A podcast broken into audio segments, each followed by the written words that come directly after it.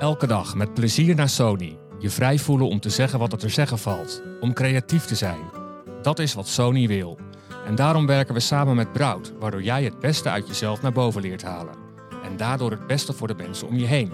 Je gezin, je vrienden, familie, je collega's en de rest van de wereld. Nou, ik zag de functie voorbij komen en toen dacht ik echt helemaal van, is, is, dit, een, is dit een baan? Ja, wat ik eigenlijk ook dacht toen ik, toen ik hoorde dat jij dit deed. Ja. oh, dat is grappig. Ja, ik dacht echt, is dit een baan? Wat, wat fantastisch. Ik moet het in ieder geval proberen. Ik ben Koos van Plateringen en Brout heeft mij gevraagd jouw collega's te interviewen over hoe zij hun leven hebben veranderd. Door inzicht, impact en invloed. In deze aflevering praat ik met Kimberly Leppink. Ze is Kids Repertoire Manager. Kimberly, je bent eh, Kids Repertoire Manager. Ja, Klinkt als een hele leuke baan. het is ook een hele leuke baan. Dat zeg ik niet om te slijmen, maar eh, ik heb echt een hele vrolijke baan. Ehm, eigenlijk ga ik wel, ja, kan ik ook gewoon zeggen, gewoon elke dag met plezier naar mijn werk. Dat is echt oprecht zo. En ehm, ik ben eigenlijk verantwoordelijk voor de marketingstrategie rondom de kidsliedjes. eh die we eigenlijk eh, bij ons eh, in huis hebben. Dus van onze artiesten eigenlijk. Ontzettend leuk. Ik wist niet dat dat echt een, een aparte functie was, Kids Repertoire Manager. Ja, dat is toch echt zo. Waar, wat maakt het dat je met zoveel plezier naar je werk gaat? Ehm, het is uit, uiteraard gewoon het team waar ik mee werk. Ik werk eh, met twee collega's die iedereen wel kent bij ons. veel samen, echt heel veel samen. En het is ook de karakters waar je mee samenwerkt. Dus anders dan collega's werk ik vaak niet met fysieke mensen, maar werk ik met poppetjes. Dus het is een kleine kans bijvoorbeeld dat de smurfen mij gaan bellen. Of eh, Bert en Ernie. Eh, of juf Roos. Nou, dat zou eventueel nog kunnen, maar het is, eh, het is heel erg het bedenken wat ouders zouden opzetten voor kinderen op Spotify. Want het gaat vooral om Spotify. En daar zijn we eigenlijk mee bezig om een goed repertoire samen te stellen. En dat houdt eigenlijk in dat we in de afgelopen bijna vijf jaar dat ik nu eh, bij Sony werk, eh, dat we verschillende partners, zoals we dat dan noemen, hebben aangesloten in, om het kidsrepertoire op te zetten. En om zo ook playlists te kunnen maken en verschillende albums in elkaar te draaien, om dus aan te bieden aan onze consument. En waarom ben jij nou juist de geschikte persoon om je op deze markt te richten? Want heb jij affiniteit met kinderen? Heb je zelf kinderen bijvoorbeeld? Ik heb geen kinderen. of kom je uit het onderwijs? Ook niet. ik, eh, ik ben eh, van huis uit ben ik marketingstrateeg. Volgens mij zeg je dat dan zo van huis uit. Eh, dat, tenminste, dat heb ik gestudeerd. Hiervoor heb ik in de financiële sector gezeten. Dat was totaal iets Ja. anders. Ehm, maar daar had ik uiteindelijk geen affiniteit mee, omdat dat, ik merkte dat marketing daar eigenlijk ja, een hele andere vraag is dan wat ik graag doe. Dus ik ben graag creatief bezig. Dus ik denk dat creativiteit heel goed van pas komt. Maar ook het strategisch na kunnen denken en het opzetten van plannen eh, voor verschillende merken. En hoe we dat dan eh, groot gaan maken op, op Spotify. Dat dat wel ja, ingrediënten zijn die ik in de afgelopen tijd eigen heb kunnen maken. Ja. Laat ik het zo zeggen. Maar dan nog richt je je op kinderen. Dus er moet iets Ja. zijn wat, wat, wat je daar zo in aantrekt en wat je ook goed maakt. Want je, je, we zien dit niet, Nee. maar je straalt helemaal als je over je werk praat. Dat is Ja. heel leuk om te zien. Ja, ik vind het echt, echt ook echt, heel erg leuk. Maar het is, het is zo dat wij eh, targeten eigenlijk kinderen, maar eh, vooral eh, ook ouders. Want zij hebben een Spotify-account bijvoorbeeld. Dus zij, de ouders maken eigenlijk de keus om bepaald, eh, bepaalde muziek voor hun kinderen op te zetten. En het kind is dan degene die direct reageert. En ja, kinderen zijn natuurlijk heel puur van zichzelf, want die hebben nog niet zoveel indrukken als dat wij hebben gekregen. Eh, dat, dat, brengen ze, dat hebben ze nog niet eh, eigenlijk meegemaakt vaak. Want wij targeten ook vooral peutertjes. Dus dan zit je heel erg puur Ja. nog in het Heel luisteren. kwetsbaar ook eigenlijk. Ja. hè? Eh, en ehm, dan zijn het juist de ouders die ook een goed, ja, goede muziek ehm, willen aanbieden. Of dat nou hun eigen smaak is, wat zij zelf graag luisteren, of gewoon iets voor kinderen waar zij gewoon op een veilige manier kunnen, lu- naar, kunnen luisteren zonder schunnige teksten, maar wel dat het grappig is. Eh, ik denk dat dat iets is wat, wat in de rol die ik heb, wat we vaak wel ehm, een beetje eh, in ons achterhoofd moeten houden. Dus eigenlijk is de ouders degene die we targeten, maar degene die direct Ja. reageert thuis vaak, of in de auto, eh, zijn de kinderen. Ja. Dus als zij het niet leuk vinden, ja, dan Ja, dat maar is wel bijzonder, jammer. je hebt, je hebt zelf geen kinderen, dus Nee. je hebt daar wel op een of andere manier gevoel voor. Want Ja. je, het zijn eigenlijk twee, eh, je hebt een primaire doelgroep en eigenlijk een secundaire doelgroep, ja, die Mhm. ook bijna primair is, dat zijn dus de kindjes eigenlijk. Leuk. Ja, ik, eh, ik vind kinderen heel leuk. En ik denk dat ik zelf ook nog ergens kinds genoeg ben om me ergens te kunnen verplaatsen in Ja. een kind. Ja, waarom heb je destijds op deze functie gesolliciteerd? Eh, nou, ik zag de functie voorbij komen en toen dacht ik echt, echt helemaal van, is, is, dit, een, is dit een baan? Ja, wat ik eigenlijk ook dacht toen ik, toen ik hoorde dat jij dit deed. Oh, dat is grappig. Ja, ik dacht echt, is dit een baan? Wat, wat fantastisch. Ik moet het in ieder geval proberen. Want ik, ik zat nog, ik zag zat achter mijn laptop, eh, wist ik nog, weet ik nog.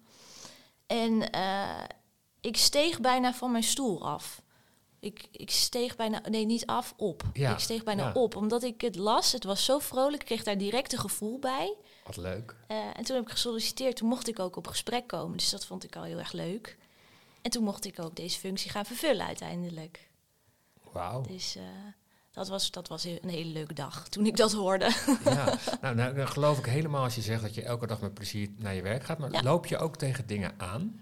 Dat je denkt van, hé, daar zit misschien een stukje ontwikkeling voor mij. Of daar zit iets... ja, kijk, eh, ik denk wel eh, aanlopen in de zin van... eh, ik ben zeg maar in het team waar ik zit eh, e- de enige marketeer. Dus eh, de ideeën, ik, ik overleg ze wel gewoon met het team waarin ik zit. Ook als klankbord. Mijn manager is bijvoorbeeld echt mijn klankbord als ik een idee heb. En zelf heeft hij ook goede ideeën. En dan gaan we al praten en dan gaan we eigenlijk een strategie tegemoet. Wat we bijvoorbeeld de vol- eh, komende tijd gaan doen.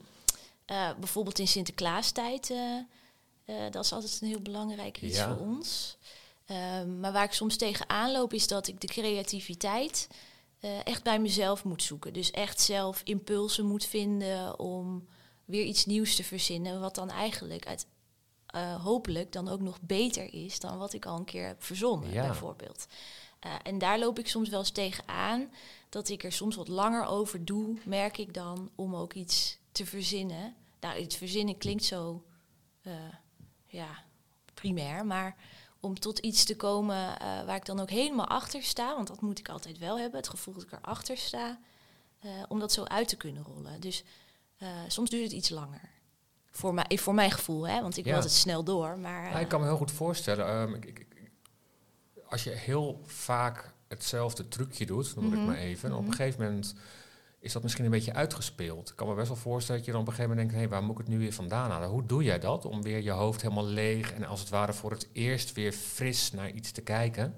Ja, ik denk dat gewoon eh, ons hele bedrijf daar impulsen voor geeft intern. Dus ik ga graag in gesprek met andere collega's die iets anders doen. Al is het bijvoorbeeld data, dat ze op data zitten, of eh, finance of iets anders. Of bijvoorbeeld marketing voor andere artiesten. Eh, daar haal ik dan ook wel weer inspiratie uit. Maar waar ik ook veel inspiratie uit haal, is bijvoorbeeld gewoon wandelen. Of eh, naar een museum gaan. Het zijn allemaal van die rare hoeken waar ik soms inspiratie uit haal. om dan weer tot een nieuw idee te komen. Dus ik kan daar eigenlijk geen, eh, geen Nee. touw aan vastknopen. Nee, maar ik snap wel dat je dat nodig hebt. Ja, dat heb ik wel nodig. En tot nu toe eh, gaat het wel goed. Maar ik vind ook altijd dat het, dat het beter moet. Het, het kan altijd beter. Dat heb ik altijd wel. Zijn er projecten of is er nu iets wat speelt... dat je denkt van, hé, daar moet nog iets bij komen... en wat je ook, wat je ook kan delen? Eh, ja, dat weten al mijn collega's eh, ook, dat de zomer eraan komt. We zien het nog niet aan het weer natuurlijk, maar hij komt er wel aan uiteindelijk. En daar hoort ook weer een strategie bij. Dus eh, als we het hebben over Juf Roos, komen er verschillende eh, nieuwe producten letterlijk op de markt. Dus we gaan beginnen met merchandise. Daar zijn we dan nu mee bezig. Er komt een nieuwe film. Eh, die wordt eh, uiteindelijk in de bioscoop vertoond en uiteindelijk dan ook eh, op Videoland exclusief en een heel nieuw seizoen van de afleveringen van Juf Roos. En die komen er allemaal in de komende maanden aan. Dus dat komt allemaal in de aankomende maanden aan. Ehm, maar daar hoort ook marketing bij. En nu ben ik bezig om eigenlijk de ingrediënten die ik eigenlijk letterlijk los op papier heb staan. Want ik moet altijd ergens een houvast maken, een structuur opzet. En dat is vaak eh, met heel veel kleurtjes. Echt letterlijk kleurtjes met markeerstiften. Ehm, eh, maak ik dan een, eh, een, eigenlijk een Excel uiteindelijk, een Excel-document met allerlei kleuren. En daar komt uiteindelijk ook een strategie uit. Dus de marketingstrategie. En deze keer zie ik het dan zo voor me dat ik in ieder geval voor juffrouws drie ingrediënten heb, waarvan de basis er wel is, alleen het moet nog ingevuld worden. Dus zo ga ik dan te werk. En uh, het echte idee moet dus nog uh, ja, gemaakt worden. Maar dat uh, komt snel, want dat moet ook, want het is al bijna zomer. ja, oh spannend. Dus je gaat, kan ik zeggen dat je nu in deze periode um, met haar opstaat en met haar weer naar bed gaat, met je Roos? Uh, ja, ik had het er vorige week toevallig over. Uh, ik vroeg aan een collega, droom je wel eens over je Roos? Um, want hij is daar ook veel mee bezig. En het antwoord was eigenlijk van hem nee. En maar van mij ook nee. Dus ik kan het nog wel goed loslaten. Maar als ik bijvoorbeeld in de trein naar mijn werk ga, dan begin ik vaak wel al na te denken over wat, er, wat ik ga doen. Het is niet alleen maar juffroos.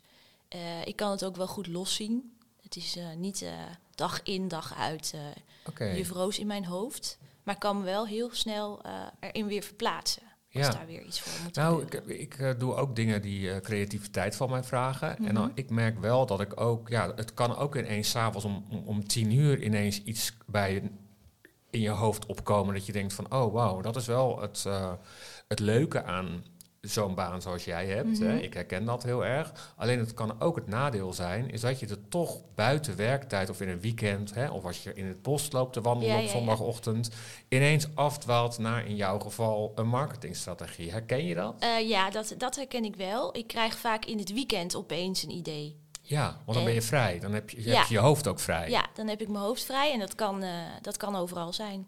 Dat maakt eigenlijk niet uit wat het is. Maar het is wel vaak ergens buiten of zo. Of als ik onder, bijvoorbeeld op een verjaardag zit of, eh, of op een feestje ben, dan kan ik opeens een idee krijgen. En dat, dat merk ik wel. Dus met meer mensen bij elkaar. Dan krijg ik vaak een idee door een gesprek wat ik heb gehad met iemand of Ja. zo. Staat dat je ook wel eens in de weg? Als ik even persoonlijk eh, over mezelf praat, ik werd op, op een gegeven moment sloeg het bij mij door. en was mijn hoofd nooit stil met eh, de programma's die ik maakte voor televisie. En dat heeft me op een gegeven moment was dat te veel. Ja. Eh, ik denk dat mijn omgeving wel eens, ook in privé wel eens, een beetje gekscherend kan zeggen van... Goh, daar komt ze weer aan met haar kindervoorbeeld bijvoorbeeld. Maar ik merk wel dat het vaak vrolijk wordt opgevat. Want ik, ik denk ook gewoon zo. Dus het zit me niet in die zin in de weg. Alleen soms dan merk ik wel dat ik er iets op eh uitvloep van... eh, ja, dat zou juf Roos ook zeggen of zo, bijvoorbeeld. Oh ja. En dan zie ik aan de overkant de krekels zo afgaan, weet je wel, op de achtergrond van waar heeft ze het over, weet je wel. Dus sommige connecties gaan bij mij wel weer terug naar het kinderrepertoire. Ik heb daar zelf niet zoveel last van.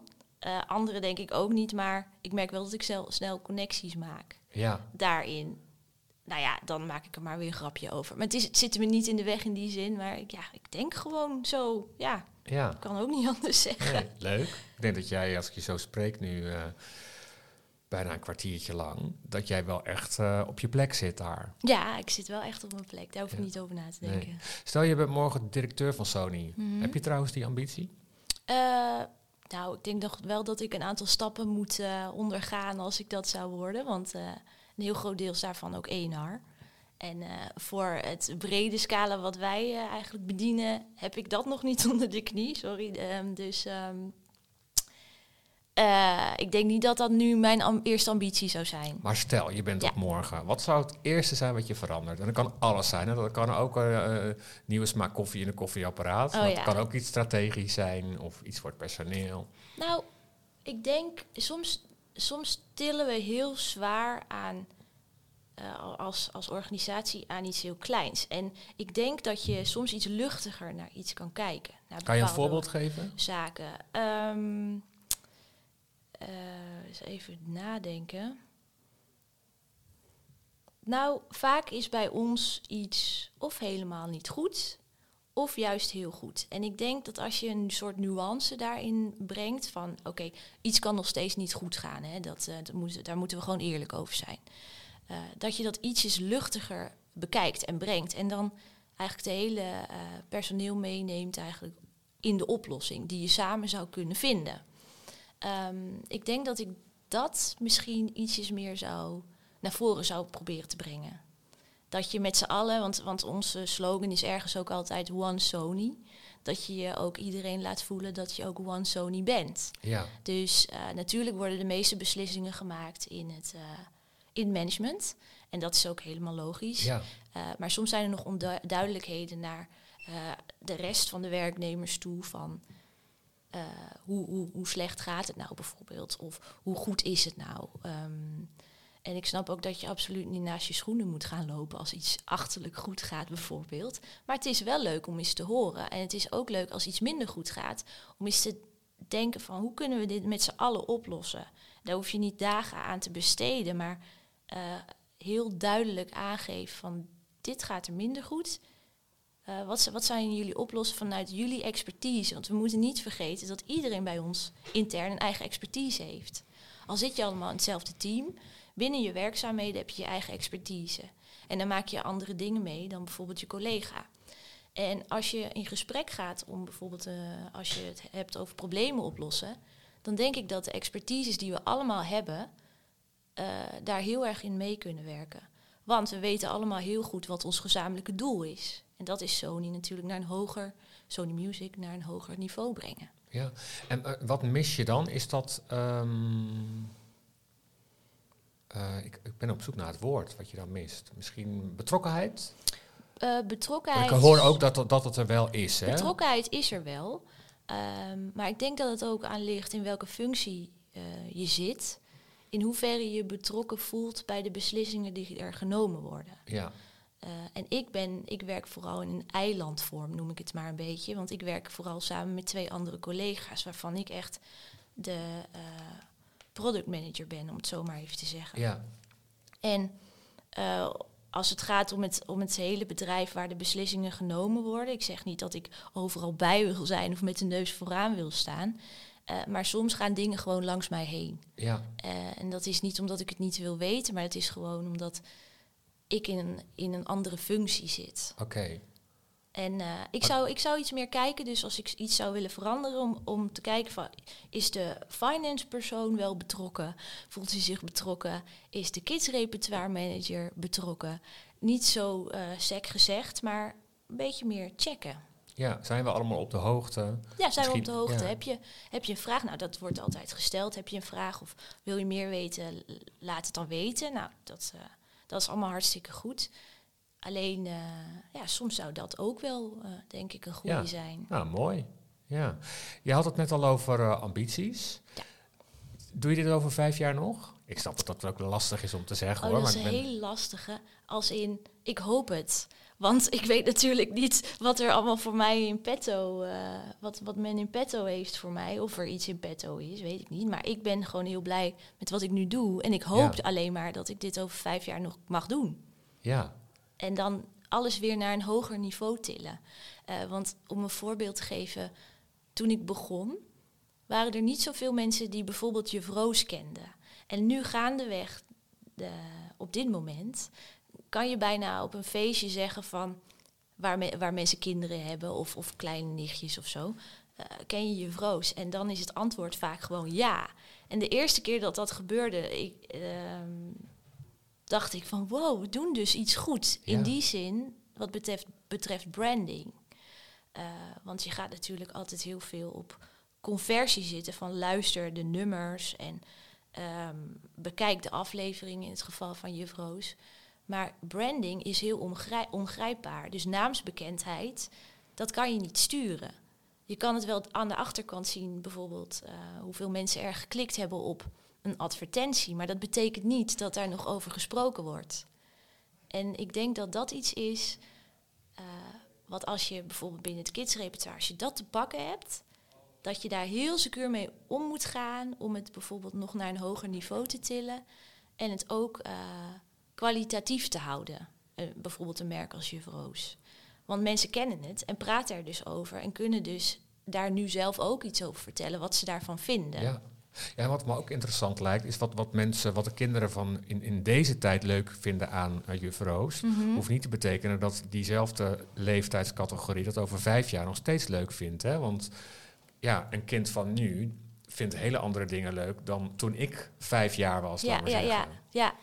Nee, dat klopt. Dus ook eh, wat betreft merk moet je meegaan met je tijd.